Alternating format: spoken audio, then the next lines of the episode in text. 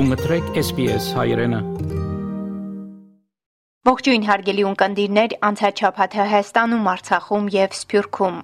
Արցախը Հայաստանին կապող միակ ճանապարհը Լաչինի միջանցքը Ադրբեջանը շարունակում է փակ պահել Արցախում մի խումբ քաղաքացիներ երթ են անցկացրել խաղաղապահների ուշադրությունը հրավիրելու իրենց մտահոգությունների վրա։ Այս եւ այլ նորությունների մասին մանրամասն։ Հայաստանում Միացյալ Նահանգների դեսպան Քրիստինա Քվինն այցելել է Լաչինի միջանցքի սկզբնամաս, որը շուրջ 3 ամիս փակ է բնականոն երթևեկության համար։ Սյունիքի մարզպետ Ռոբերտ Ղուկասյանը դեսպան Քվինին է ներկայացրել Լաչինի միջանցքի շրջափակման հետևանքներն ու դրա ազդեցությունը հարյուրավոր մասնատված ընտանիքների վրա։ Դեսպան Քվինը կրկնել է Լաչինի միջանցքն անհապաղ վերաբացելու մասին։ Պետքարտուղար Բլինքենի կոչը նշված է դեսպանատան տարածած հաղորդագրության մեջ։ Հայկական Ռուսաստան կողմի նախաձեռնությամբ կայացել է Ռուսաստանի նախագահ Վլադիմիր Պուտինի եւ Հայաստանի վարչապետ Նիկոլ Փաշինյանի հեռախոսազրույցը Հայաստանի վարչապետի աշխատակազմի փոխանցման Փաշինյանն անդրադարձել է մարտի 5-ին Ադրբեջանի կողմից Լեռնային Ղարաբաղում իրականացված ահաբեկչական գործողությանը եւ դրա հետևանքներին։ Լեռնային Ղարաբաղում ճգնաժամի հաղթահարման համատեքստում ըստ հաղորդագրության վարչապետը կարևորել է Ռուսաստանի կողմից հասցեական արձագանքը։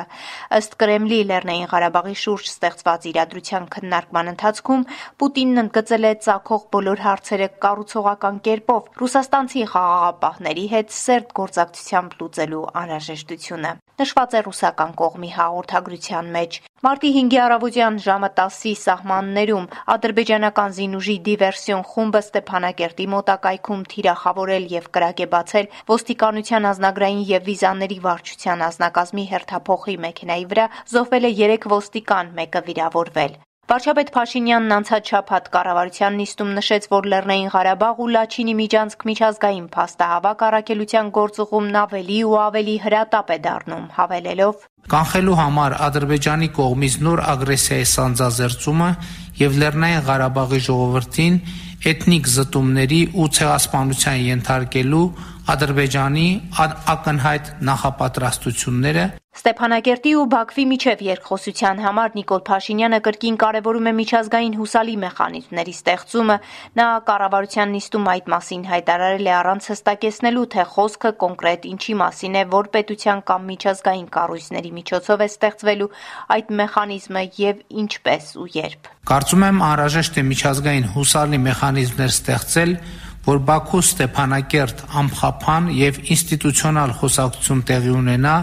եւ սա վերհիշատակված միջազգային պայմանավորվածության իրացման արդյունավետ երաշխիք կարող է դառնալ։ Երեք օր Երևանում ապագա հայկականը համաժողովում քննարկվել են համահայկական նպատակներն ու դրանց հասնելու ուղիները։ Համաժողովին մասնակցել են 200 մասնակիցներ Հայաստանից, Սփյուռքից եւ Արցախից։ Նախաձեռնությունը ձևավորվել է 2021 թվականին 15 համահայկական նպատակներ են ձևակերպվել, քննարկվել է դրանցից Հայաստանի ապագայի տեսլականը 3 ուղություններով՝ պատմական պատասխանատվություն, բնակչության աճ եւ Հայաստան Սփյուռք միասնականություն։ Արցախից տեսակապով համաժողովի մասնակիցներին էր միացել նախաձեռնության համահիմնադիրներից Արցախի նախկին պետնախարար Ռուբեն Վարդանյանը։ Այսօրս նրա առանց գաղափարին եւ ազգային արժեքներին վերադառնալու ոչինչ չի ստացվի։ Ապագա հայկականը նախաձեռնության եւ Ավրորա մարդասիրական նախաձեռնության համահիմնադիր Նուբար Աֆեյանն իր հերթին նկատել է. 30 տարի առաջ մեզ դրվել է հետաքրքիր առիթ, որ մենք մեր ապակայով սպառվենք, բայց շփախտապար դակնապներու պատճառով մենք երբեք չի կարողացանք Արցախ. Հակամարտությունը պետք է լուծվի բանակցությունների միջոցով միջազգային կառույցների միջնորդությամբ ու երաշխիքներով։ Մի քանի օրից կլրանա Արցախի 120 հազար բնակչությանը Ադրբեջանի կողմից շրջափակելու 100 օրը, ասված է Արցախի ազգային ժողովի խմբակցությունների տարածած համատեղ հայտարարության մեջ։ Ադրբեջանը կրկին պնդում է երկխոսության միջազգային մեխանիզմի ստեղծմանը Բաքուն չի համաձայնի եւ Արցախի ներկայացուցիչներին էլ Բաքու է հրավիրում։ Արցախի խորհրդանի падգամավոր Մետաքսե Հակոբյանի խոսքով ընդդիմադիր երեք ուժերի՝ հայ հեղափոխական դաշնակցության, Արցախի ժողովրդավարական կուսակցության եւ Արթարության մոտեցումը նույնն է չի փոխվել։ Արցախը հայտնվել է փակուղում Հայաստանի եւ Արցախի իշխանությունների քաղաքականության հետևանքով առավել քան հստակ էր, որ իրենք ունեն օրակարգում այդ հարցը եւ հետագայում շատ ավելի լուրջ ճնշումներ են գործադրելու, որպեսզի քննարկմանը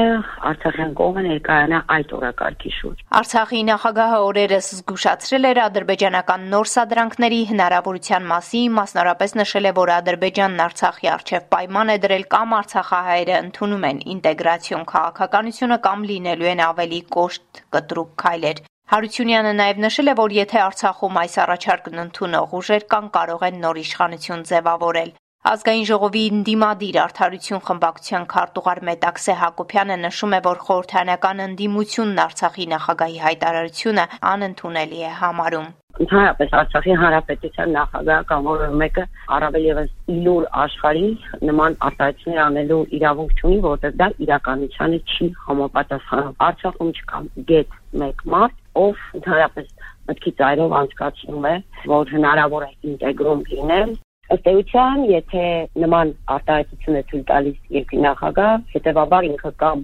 հեռանում է կամ պիտի արդեն հրաժարական ներկայացնի Նախագահի հայտարարությունը կարելի է տարբեր կերպ մեկնաբանել, ասում է Արցախի նախկին արտգործնախարար Արցախի նախագահի խորհրդական հատուկ հանձնարարությունների գծով ներկայացուցիչ Դավիթ Բաբայանը նրա խոսքով նախագահի հայտարարությունը բավական կոշտ էր, բայց գուցե անհրաժեշտ։ Արցախում չկան մարդիկ, ովքեր իրենց տեսնում են Ադրբեջանի կազմում։ 1, 2, 3 հոգի, ասենք, միամիտ, ծախված, գնված որոշ ուժերի կողմից կարող են լինել։ Ամեն հասարակությունում են լինում են բայց ընդհանուր մասսան իհարկե չի տեսնում իրեն Ադրբեջանի գազում, դա ուղղակի կլինի խայտարակություն։ Ադրբեջանի հետ ինտեգրվելու, եթե որևէ մեկը այդ հարցը բարձրաձայնի եւ դարձնի իր ներքաղաքական օրակարգի կետ, կարծում եմ դա կլինի ինքնասպանություն։ Լավագույն դեպքում Արցախի մի խումբ քաղաքացիներ մենք ենք մեր սարերը հուշարձանից ավտոերթով հասել են խաղաղապահների տեղակայման վայր։ Նրանք իրենց մտահոգություններն են ներկայացրել Արցախում գտնվող ռուս խաղաղապահների նստակցիայի մասնակիցների խաղաղապահները 2020-ի նոեմբերի 9-ի համատեղ հայտարարությամբ նախատեսված գործառույթները ամբողջ ծավալով կյանքի չեն կոչում։ Տեղի ունեցած դեպքը, որ մեր հայրենակիցները իրենց Սարավական պարտականությունները կատարելուց սպանվեցին ադրբեջանցի ձերվեսանտների կողմից։ Մինչ այդ նաև Մարտակերտում տեղի ունեցած դեպքը տրակտորիստի հետ, ջրմուղ կոյուղի աշխատակցի դեպքը եւ նման շատ հանցագործություններ այս 3 տարվա ընթացքում, որոնք անպատիժ են մնացել։ Եվ հիմա մենք գնում ենք ընդհանրապես ռուսներին ասենք, որ կատարեք ձեր պարտականությունը։ Եթե չեք կարողանում կատարել, ասեք, որ չեք կարողանում, Իմ կարծիքով խաղապահներն ուղղակի պատասխան չունեն տալու, որովհետեւ միջի հիմա միակ պատասխանը որ տալիս էին, դա այն է, որ մեզ մանդատ չունենք, ու հարցականա թե որ մանդատ չունեք, ապա ստե ինչ եք անում, բայց կա մի ուրիշ կողմ արդեն Հագայի դատարանի որոշում կա, որը իրանց համար պողպատե մանդատ է, Սփյուռք՝ ի պաշտպանություն Արցախի Փարիզում բողոքի ակցիա է կազմակերպվել։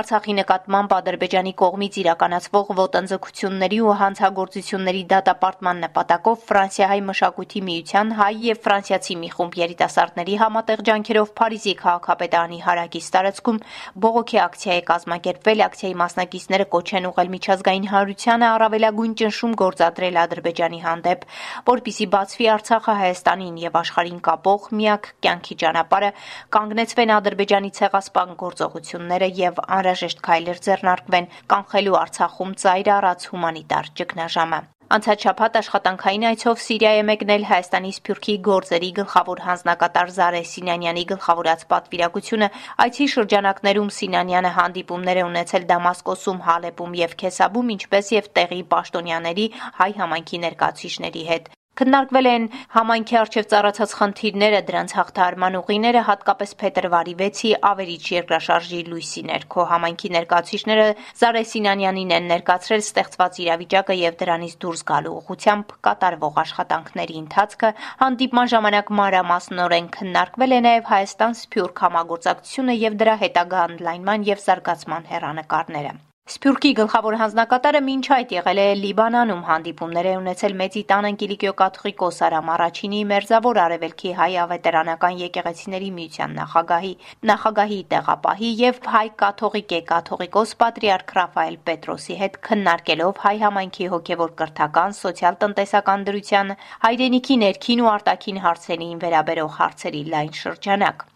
Եվ վերջում ըստ Euronews Travel կայքի եվրոպական ամենահյուրընկալ երկիրը Հայաստանն է։ Ուսումնասիրության համար հաշվի են առնվել տարբեր հանգամանքներ, սկսած տեղացիների բարեհամբույր վերաբերմունքից մինչև տուրիստական ենթակառուցվածքների արկայությունը, ինչպես նաև սահմանային ամենակիչ սահմանափակումներ ունենալը։ Այսքանը անցաչափաթը Հայաստանում, Արցախում եւ Սփյուռքում ամփոփեց Գիտալի Բեկյանը։